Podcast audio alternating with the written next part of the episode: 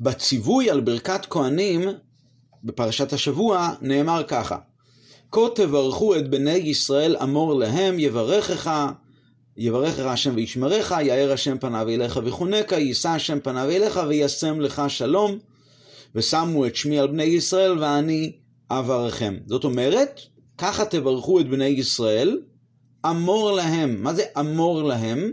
תגיד להם. תגיד להם מה? יברכך השם וישמרך. רגע, אבל כתוב כבר בהתחלה, כה תברכו את בני ישראל. מה זה אמור להם? אז רש"י מסביר, רש"י מעתיק את המילים אמור להם, כמו זכור שמור, בלעז דשנית. רש"י בעצם מביא דוגמה מזכור ושמור, שלא אומרים, לא אומרים זכור, שמור בש, בשבה, אלא אומרים בקמץ, זכור את יום השבת, שמור, אותו דבר גם אמור להם. אבל מה הכוונה? אז תכף אנחנו נראה את עומק הדברים. אחרי זה רש"י ממשיך ושוב מעתיק את המילים אמור להם, שיהיו כולם שומעים. כלומר, אמור להם משמעו שכל השומעים ישמעו. כולם ישמעו. אחרי זה רש"י שוב פעם מעתיק את המילה אמור, הפעם בלי המילה להם, ורש"י כותב מלא, כלומר, המילה אמור מופיעה בכתיב מלא, כתוב כאן עם ו', מסביר רש"י, לא תברכם בחיפזון ובבהלות, אלא בכוונה ובלב שלם. כלומר, יש כאן ציווי לכהנים שלא יברכו בחיפזון ובבהלה, אלא שיברכו גם בכוונה ובלב שלם. אלה הם בעצם שלושת הפירושים האלה שרש"י מסביר. זה מעניין, כי בכל אחד משלושת הפירושים רש"י מצטט את המילה אמור, רק שבפעמיים הראשונות הוא מצטט אמור להם, ובפעם האחרונה הוא רק מצטט את המילה אמור. בפשטות, שלושה פירושים על המילה אמור, כנראה שבכל אחד מהפירושים האלה מסביר איזשהו עניין אחר במילה. כלומר, אמור, פירוש ראשון, שזה כמו זכור, שמור. אחרי זה הוא אומר אמור, שהם ישמעו. אחרי זה המילה אמור, אמור בצורה מלאה, לא לברך אותם בחיפזון, אלא בכוונה ובלב שלם. אבל צריכים כאן להבין כאן מה, מה בדיוק קורה כאן. למה בפעמים הראשונות הוא כן מצטט את המילה אמור להם, ובפעם השלישית הוא רק מצטט את המילה אמור, בלי המילה להם. כנראה שלמרות שבאמת כל פירוש הוא בפני עצמו, והמילה אמור להם מופיעה בכל פעם ופעם, כנראה יש איזשהו קשר בין כל שלושת הפירושים האלה ובסדר הזה, שדבר ראשון רש"י צריך להסביר שהמילה אמור פירושו כמו זכור שמור, כנראה יש כאן קושי סביב המילה אמור, למרות שהוא מצטט את המילה אמור להם. אחרי זה אז רש"י מסביר, זה כמו זכור, כמו שמור את יום השבת, כמו שתכף נראה. אחרי זה רש"י ממשיך ואומר, טוב, ועכשיו צריך לדעת שכולם ישמעו, שיהיו כולם שומעים, אמור להם שכולם ישמעו, והפירוש השלישי הוא לא לברך אותם בחיפזון, אלא לברך אותם בחבלה ובלב שלם, וזה חשוב להדגיש דווקא אחרי שאומרים שכולם ישמעו, אז צריכים לבוא ולהדגיש שאמור להם פירושו לא לברך אותם בפחזה ובבהילות, אלא בלב שלם. מה הסוד? מה כאן מסתתר מאחורי הדברים האלה? אז דבר ראשון ננסה להבין מה זה זכור, שמור, שרש"י מביא הוכחה. אז יש כאלה מפרשים שרוצים לומר שיש כאן קושי בעצם. למה נאמר אמור להם שזה לא בצורה של ציווי. אם זה היה בצורה של ציווי, אז היה צריך להיות כתוב אמור להם, או אמרו להם. וכאן נאמר אמור בקמץ, זה לא לשון ציווי, זה לשון של, דבר ראשון זה לשון הווה, או שזה לשון מקור, זאת אומרת, המקור של הפעולה, מבלי להגיד לעשות אותה בפועל, או משהו שמורה על התמדת הפעולה. כלומר, שהפעולה הזאת צריכה להיעשות. אז רש"י מסביר, לפי חלק מהמפרשים, שבאמת נכון, כאן המילה אמור היא לא בלשון ציווי, אלא בלשון הווה, אמור להם, תאמר להם תמיד תמיד תמיד. וזה כמו זכור וכמו שמור. לדוגמה, בזכור רש"י הסביר, עוד בפרשת אה, יתרו, זכור את יום השבת, מה זה זכור? פעולה תמידית שצריך תמיד לזכור. זאת לא ציווי, זה לא ציווי שצריך לעשות אותו ברגע זה, אבל זה משהו שהוא התמדה התמדת הפעולה. כמו שרש"י כותב, תנו לב לזכור תמיד. תמיד תזכרו את יום השבת. אותו דבר, אמור להם, האמירה הזו צריכה להיות אמירה תמידית. תמיד צריך לומר, יברכך יאר ויישא. ואילו אילו היה נאמר אמור להם או אמרו להם, אז הייתי אומר שפעם ב' צריך ככה לומר. אבל מזה שנאמר אמור, זאת אומרת זוהי התמדת הפעולה שצריך להיות בצורה תמידית. טוב, לא ממש הבנו את הפירוש הזה, כי בכל זאת, מה הכוונה להגיד תמיד? מה צריך, הכהנים צריכים כל היום וכל הלילה, 24 שעות, לברך את ישראל ולומר להם, יברכך יאר ויישא? זה הכוונה? קשה לומר ככה. יש כאלה מפרשים אחרים שרוצים לומר, שמה שרש"י כאן רוצה להסביר הוא שפשוט, בדרך כלל המילה אמור זה באמת לא בלשון ציווי, אמור זה בלשון ציווי, אבל אמור בדרך כלל זה לא. בדרך כלל זה לשון מקור, כלומר, הפעולה, הדבר עצמו, הפעולה עצמה, בלי לפעול אותה בפועל, בלי ללכת ולהגיד למישהו, כך וכך תעשה, אלא עצם הפעולה.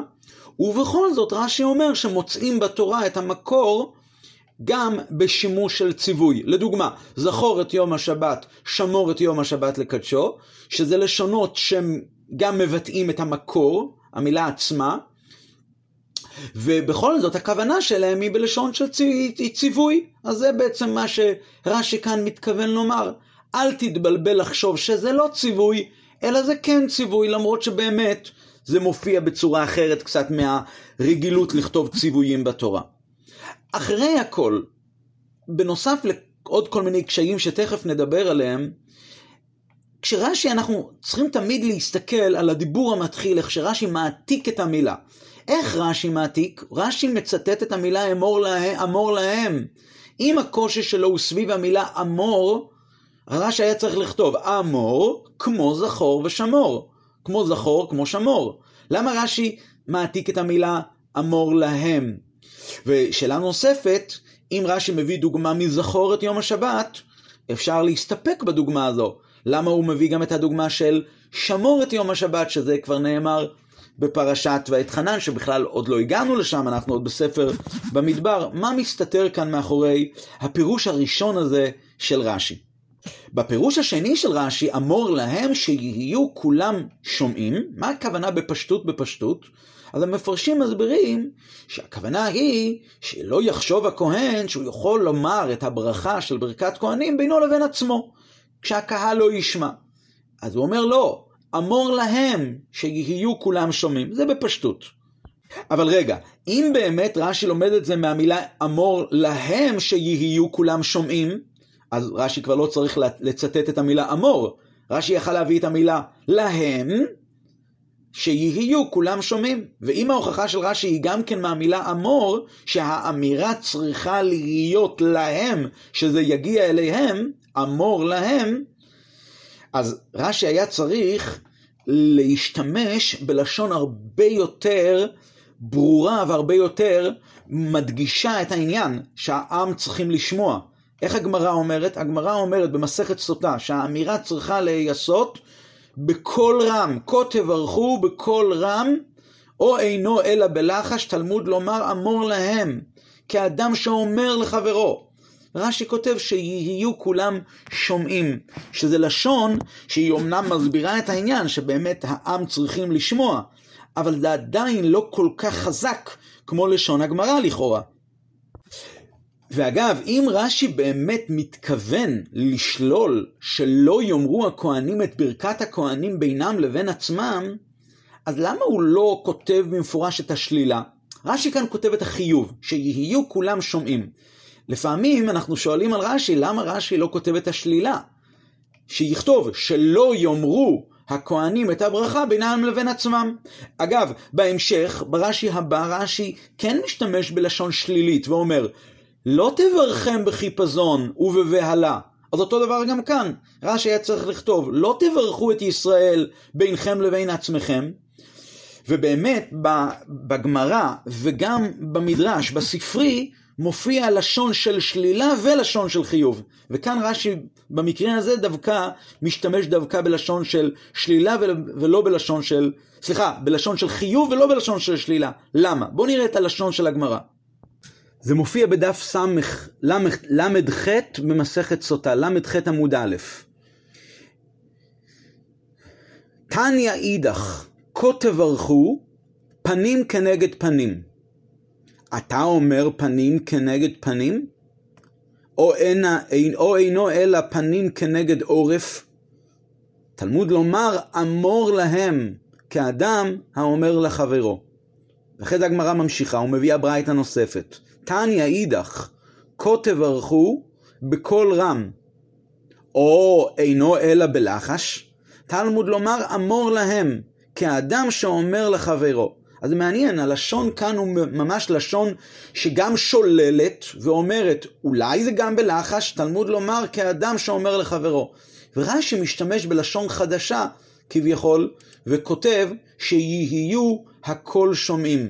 ואפילו לא שולל את העניין הזה בצורה ברורה, כמו שנאמר גם בגמרא וגם בספרי. מופיע גם את אותו לשון בספרי ב, אה, במדבר, כה תברכו את בני ישראל שיהיה כל הקהל שומע, או אינו בינו לבין עצמו, תלמוד לומר אמור להם, שיהיה כל הקהל שומע. שוב אנחנו רואים גם מהגמרא וגם מהספרי אמ, לשון ברורה ששוללת את האמירה בינם לבין עצמם, ורש"י, שרש"י לכאורה הוא מפרש את הגמרא, את המקרא, בין חמש למקרא, בוודאי הוא צריך להסביר בצורה ברורה הרבה יותר, אם קל וחומר, אם בגמרא ובספרי, שאותם לומדים בין עשר למשנה ובין חמש עשרה לגמרא, שם הגמרא צריכה להסביר ולבאר שהכוונה היא לא לברך בינם לבין עצמם, אלא בקול רם, ודאי שרש"י לכאורה היה צריך לפרש את זה, מה כאן מסתתר מאחורי הצמצום בלשון אצל רש"י. ושאלה נוספת, למה רש"י משתמש בביטוי שיהיו כולם שומעים? מה זה כולם? למי הוא בדיוק, למי, למי הוא מתכוון כאן שהוא אומר כולם? ברור, לכאורה הכוונה היא לבני ישראל, כה תברכו את בני ישראל אמור להם, אז אבל ברור שלא הכוונה היא לכל בני ישראל שנמצאים בכל מקום ומקום. ברור שהכוונה היא לאותם יהודים שנמצאים באותו מעמד שבו הכהן מברך. אז רש"י היה מתאים באמת להשתמש בלשון של הספרי, שיהיה הקהל שומע. אותו קהל שנמצא באותו מקום שומע. למה הוא משתמש בביטוי שיהיו כולם שומעים? זה לגבי הפירוש השני של רש"י. וביחס לפירוש השלישי, אמור מלא, שרש"י משתמש במילה אמור, שהמילה אמור נכתבה כאן בכתיב מלא עם ו', ומזה הוא לומד, לא תברכם בחיפזון ובבהילות, אלא בכוונה ובלב שלם, גם פה צריך להבין. העניין הזה של כתיב מלא, כתיב חסר, זה בפשוטו של מקרא לא דבר שמחייב את רש"י לתת פירוש, לתת תירוץ. אדרבה, רוב המקרים של המילים במקרא, שהם או מלאות או חסרות, רש"י בכלל לא מתעכב על זה. אלא אם כן, יש איזשהו קושי בפשוטו של מקרא, שהוא יהיה מתורץ על ידי הכתיב מלא או כתיב חסר. איזה קושי יש כאן בפשוטו של מקרא? הבנו כבר מה זה המילה אמור, והבנו כבר מה זה המילה אמור להם. איזה קושי יש כאן בכתיב המלא, שעל ידי הכתיב המלא פתאום אנחנו נוכל להבין את זה. ובכלל, שאלה עצומה, האם בכלל עולה על הדעת לחשוב שהכהנים יברכו את ישראל בחיפזון ובבהלה שצריכים לשלול את זה? הרי במדרש נאמר, במדרש כתוב ככה, מדרש אה, רבה, אמר, אמר להם הקדוש ברוך הוא לכהנים, לא מפני שאמרתי לכם שתהיו מברכים את ישראל, תהיו מברכים אותם באנגריה ובבהלות, אלא תהיו מברכים בכוונת הלב. אז לפי המפרשים ש... מפרשים שמפרשים את המדרש רבה, מתנות, מתנות כהונה ועוד, הם מסבירים שמכיוון שהקדוש ברוך הוא נתן לישראל את הברכה, את הכוח לברך את ישראל, אז היינו חושבים שהם יעשו את זה בצורה מהירה, בצורה... אז, אז הם יעשו את זה בצורה מהירה מאוד, בצורה של uh, גערה כביכול. אבל לא זה מה שרש"י מתכוון. כי רש"י היה צריך לכתוב את זה בצורה ברורה. אם זו באמת הייתה הכוונה, רש"י היה צריך לכתוב את זה בצורה ברורה. ובפרט, שבפשוט, ובפרט שבפשוטו של מקרא, כבר למדנו שכהנים שמברכים, ואהבת, כתוב בתורה, ואהבת לרעך כמוך. אז כמו שהכהן רוצה שיברכו אותו, אז יברכו אותו לא בחיפזון, אלא בכוונה ובלב שלם, בוודאי שהכהן בעצמו ינהג ככה כשהוא יברך את ישראל. אז מה, אז למה, ש, למה שנחשוב בפשוטו של מקרא שהכהן יבוא ויברך דווקא בבהלה? אז יש כאלה שמפרשים שמה שהמדרש רבה מתכוון, שהכהנים יכולים אולי להתבלבל, מכיוון שהקדוש ברוך הוא נתן להם ונתן להם כזה ציווי לברך את ישראל, אז מרוב בהלה ומרוב בלבול, אז הם יתבלבלו ויברכו בחיפזון ובבהלה. אבל גם, גם זה קשה לומר, כי אם באמת על כל ציווי של הקדוש ברוך הוא אנחנו צריכים לוודא שלא יהיה בהלה ובלבול מרוב קדושת הציווי ומרוב, ו- ו- ושלא נעשה את זה חלילה בחיפזון, יש עוד מצוות שהקדוש ברוך הוא, הקדוש ברוך הוא מצווה הרבה מצוות בתורה, ובמצוות התורה שעוד מופיעות בפרשת בו, ששם התחילו המצוות אה, לראשונה להופיע בתורה, בתורה שבכתב, אז בוודאי ובוודאי ששם התורה הייתה צריכה לכתוב איזושהי הבהרה לא לעשות את המצוות בבהלה ובחיפזון. פתאום כאן הגיעו לברכת כהנים בפרשת נשוא, אז נזכרו שהכהנים שקיבלו כזאת מצווה, הם יכולים להתבלבל. לא, לעשות את זה בכוונת הלב. אז זו שאלה נוספת. שאלה נוספת היא למה רש"י מתכוון כאן שהוא מצטט את שתי המילים, בחיפזון ובבהילות. מאיפה הוא לקח את הצמד מילים האלה? בחיפזון אני מבין, בבהלה גם מובן, אבל מה זה הצמד, הצמד מילים האלה? בחיפזון ובבהילות. שהכהנים לא יברכו בחיפזון ובבהילות. וגם כשרש"י מתכוון במובן החיובי ואומר שלברך בכוונה ובלב שלם, גם צמד המילים האלה צריך, צריך להבין אותו. א', מה המקור שלו, המדרש באמת מזכיר את הביטוי בכוונת הלב. וכאן רש"י שוזר כאן אה, צמד מילים חדשות בכוונה ובלב שלם. מה מסתתר כאן מאחורי כל השאלות האלה? נקודת הדברים היא שדווקא בגלל צמד המילים האלה, אמור להם שהתורה משתמשת, למד מזה רש"י, שאמור להם, שאמור פירושו כאן זכור, כמו זכור, כמו שמור. דווקא בגלל צמד המילים אמור להם. אילו היה נאמר כה תברכו את בני ישראל, אמור, יברכך השם וישמרך. היו, היו יכולים להסביר שאמור זה באמת לא לשון ציווי, אלא זה לשון מקור. כלומר, הפסוק אומר, כה תברכו את בני ישראל, ככה אתם תברכו, באמירה, יברכך השם וישמרך. אבל מכיוון שנאמר אמור להם, שאמור להם זה לשון ציווי, לא ייטמע להם, אל תיטמע להם, זה לשון ציווי. אותו דבר גם כאן, אמור להם, תגיד להם, זה לשון ציווי, אז פה כבר מתעוררת באמת השאלה. אה, זה לשון ציווי? אז היה צריך להיות כתוב אמור להם, כמו בדרך כלל שנאמרים הציוויים בתורה, אז הם נאמרים בלשון שהוא לא לשון מקור, אלא לשון ציווי. אמרו להם, או אמור להם. למה אמור להם? לשון מקור, והולך ביחד עם לשון ציווי, לשון מקור מתאר את המצב כמו שהוא בלי פעולה, ולשון ציווי מתאר את המצב לפעול, לעשות. אז התשובה היא, אמור להם אומר רש"י, כמו זכור וכמו שמור. כן, יש אפשרות להשתמש בלשון שהוא במקור, כמו בקמץ, ובכל זאת זה עדיין לשון ציווי. ומהי הדוגמה? כמו זכור כמו שמור. בדיוק כמו שלגבי זכור ושמור הכוונה היא לציווי, ובכל זאת משתמשים, לא אומרים זכור את יום השבת, שמור את יום השבת, אלא זכור שמור. ולמה? כאן ההסבר הוא בגלל שיש כאן איזשהו עניין תמידי. וכמו שלמדנו לגבי זכור, שזכור זה עניין תמידי. תנו לב לזכור את יום השבת. אז כשמדברים על עניין תמידי, אפשר לומר גם בלשון מקור, זכור, ואף על פי כן זה לשון ציווי. אותו דבר גם כאן, אמור להם. אמור זה בלשון מקור, ובכל זאת זה בלשון ציווי, אמור להם, כי בברכת כהנים יש כאן משהו, יש כאן עניין תמידי. איזה עניין תמידי יש בברכת כהנים? אז לפני כן, הבה וננסה לפתוח את, ה, את, הש, את הסיבה שרש"י בוחר להביא את שתי, ה, את שתי המקורות, את זכור ואת שמור. למה הוא צריך שתי הוכחות? זכור לבד מספיק. הנה, זכור זה לשון מקור, ובכל זאת זה לשון ציווי. אז התשובה היא לא, זה, זה לא הוכחה מספיקה. כי בזכור באמת מתאים להשתמש בלשון של מקור, ובאף על פי כן זה מתבטא בלשון של ציווי, כי באמת זכירה זה דבר תמידי. תנו לב לזכור תמיד, שלבן אדם יהיה לו תשומת לב בלב שלו לזכור את יום השבת. אז זה באמת לא מוגבל לזמן מסוים.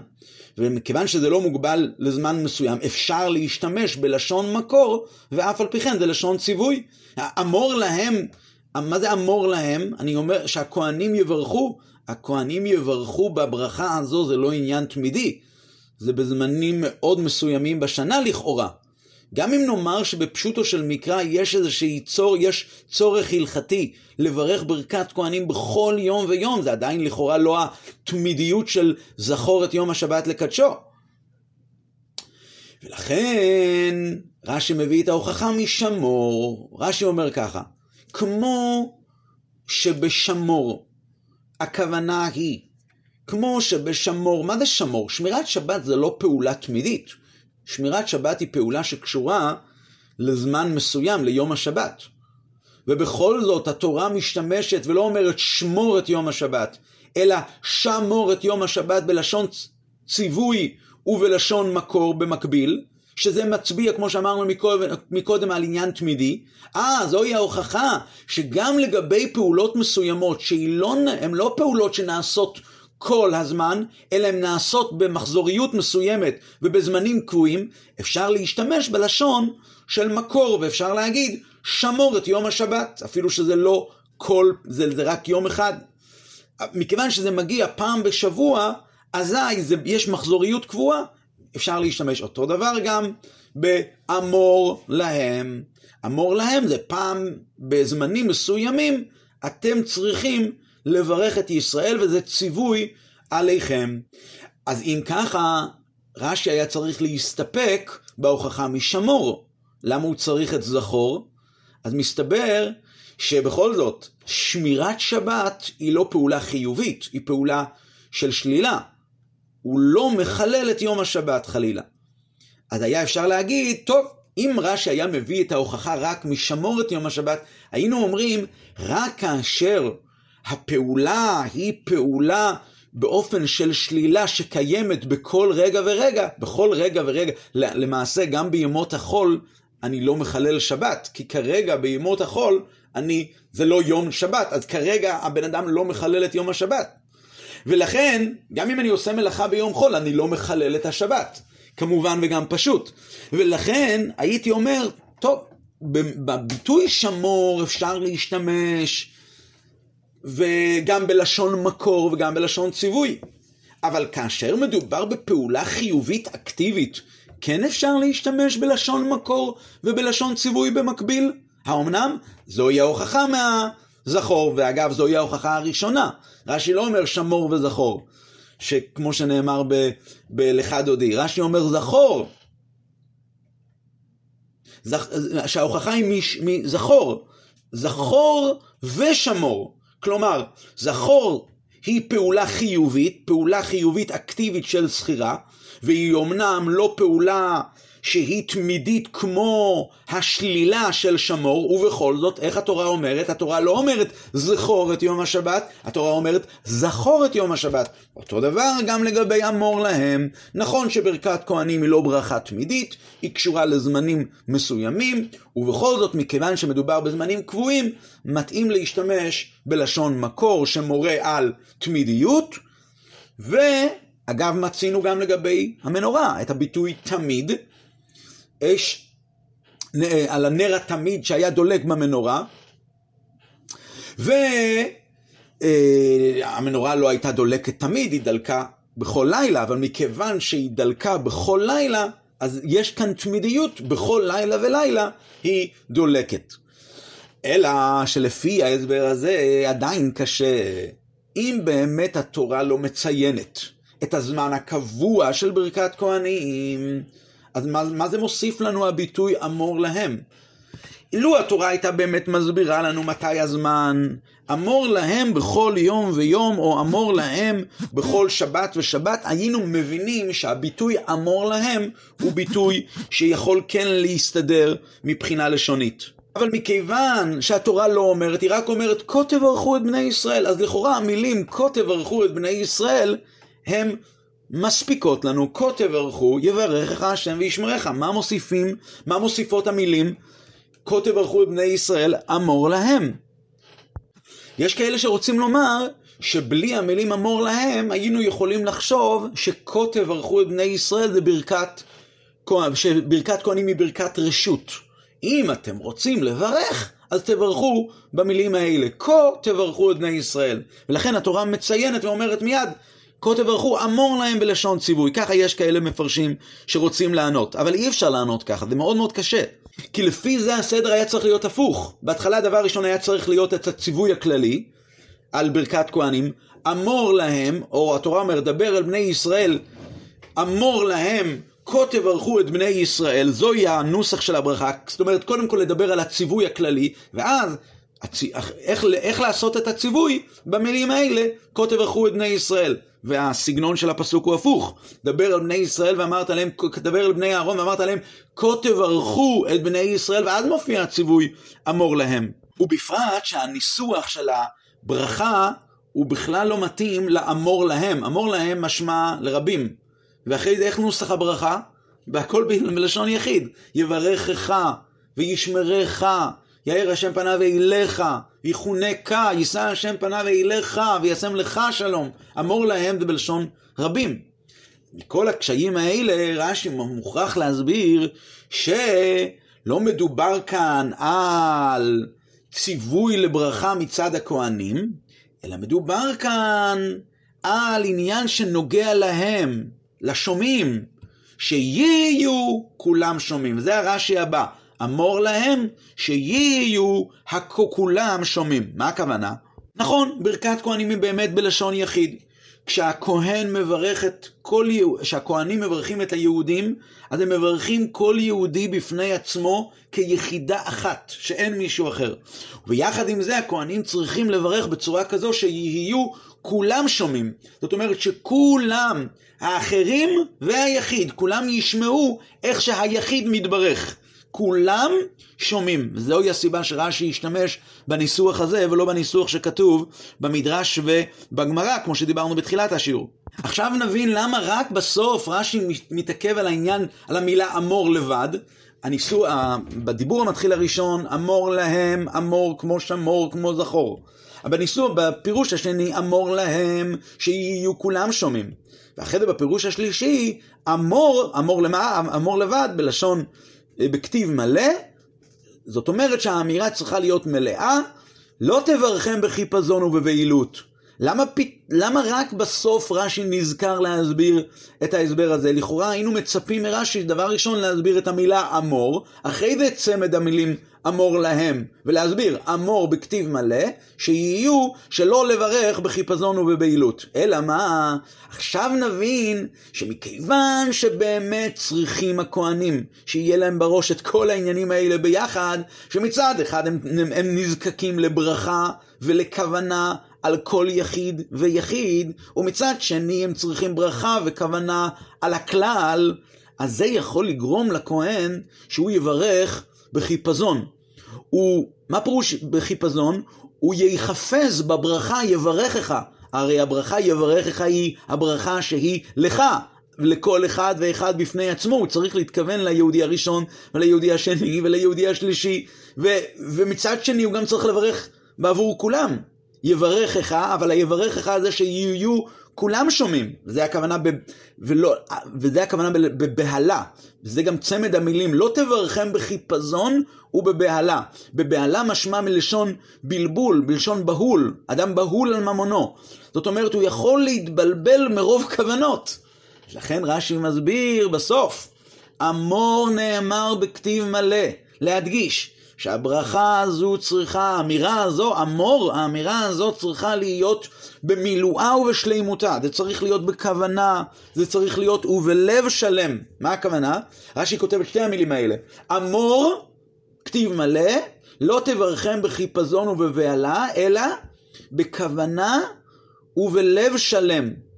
זאת אומרת, הכהן יכול לחשוב, מכיוון שאני צריך לברך את כל עם ישראל, אז אני אברך את כל יהודי ויהודי רק בחלק מהלב. לכן כתוב בלב שלם. אתה הכהן, יש לך את הכוח לברך כל יהודי ועם כל הלב. מכיוון שבכל רש"י יש גם את היינה של תורה, את הפנימיות של התורה, מה שמסתתר כאן מאחורי, אז כנראה במילים זכור את יום השבת, שמור את יום השבת, שזה הדוגמאות בעבור אמור להם, זה לא רק דוגמאות בלבד, פשוט להסביר את המילים אמור להם, אלא זה גם מעין סוג של הקדמה לברכת כהנים. כביכול רש"י בא לומר שתתבונן ברעיון הזה של זכור ושמור ותבין מה זה באמת ברכת כהנים. אבל לפני, מה זה יברכך השם וישמרך?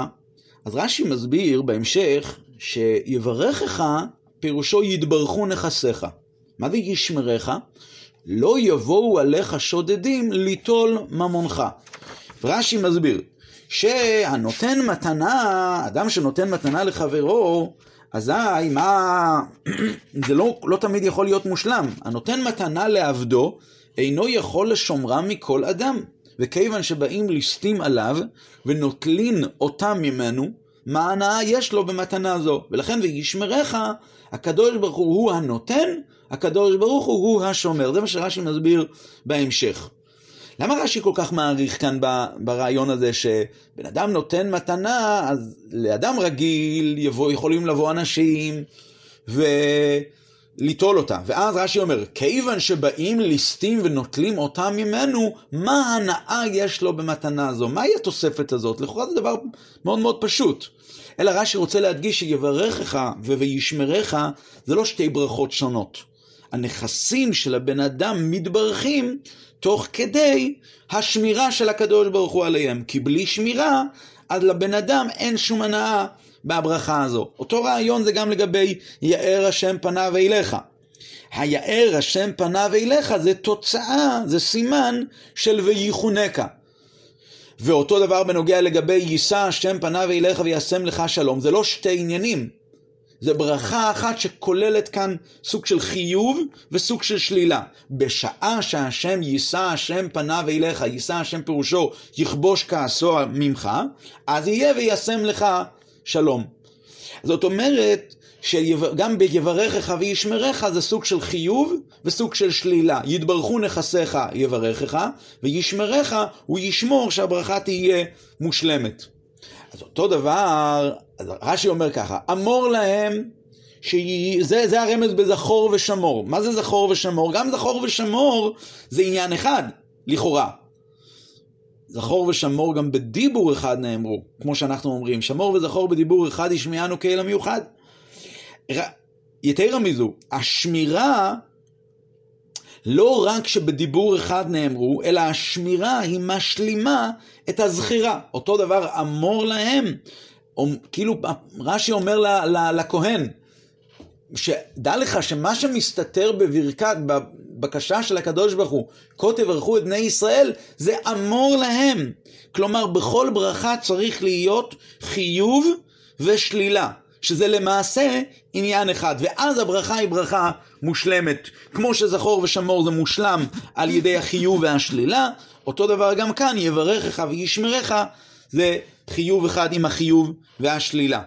זה היינה של תורה בפירוש הראשון. כמו אמור, כמו אמור כמו זכור כמו שמור. ואז רש"י ממשיך, אמור להם, שוב פעם רש"י מצטט את המילים, אמור להם ואומר שיהיו, אמור להם, שיהיו כולם שומעים, שהכוונה היא שההכנה שהברכה תהיה בצורה כזו מושלמת, ברכה שכוללת חיוב ושמירה ביחד, זה רק כאשר גם אצל השומעים וגם אצל המברכים הכהנים יהיו שני העניינים האלה של חיוב ושלילה באותו זמן.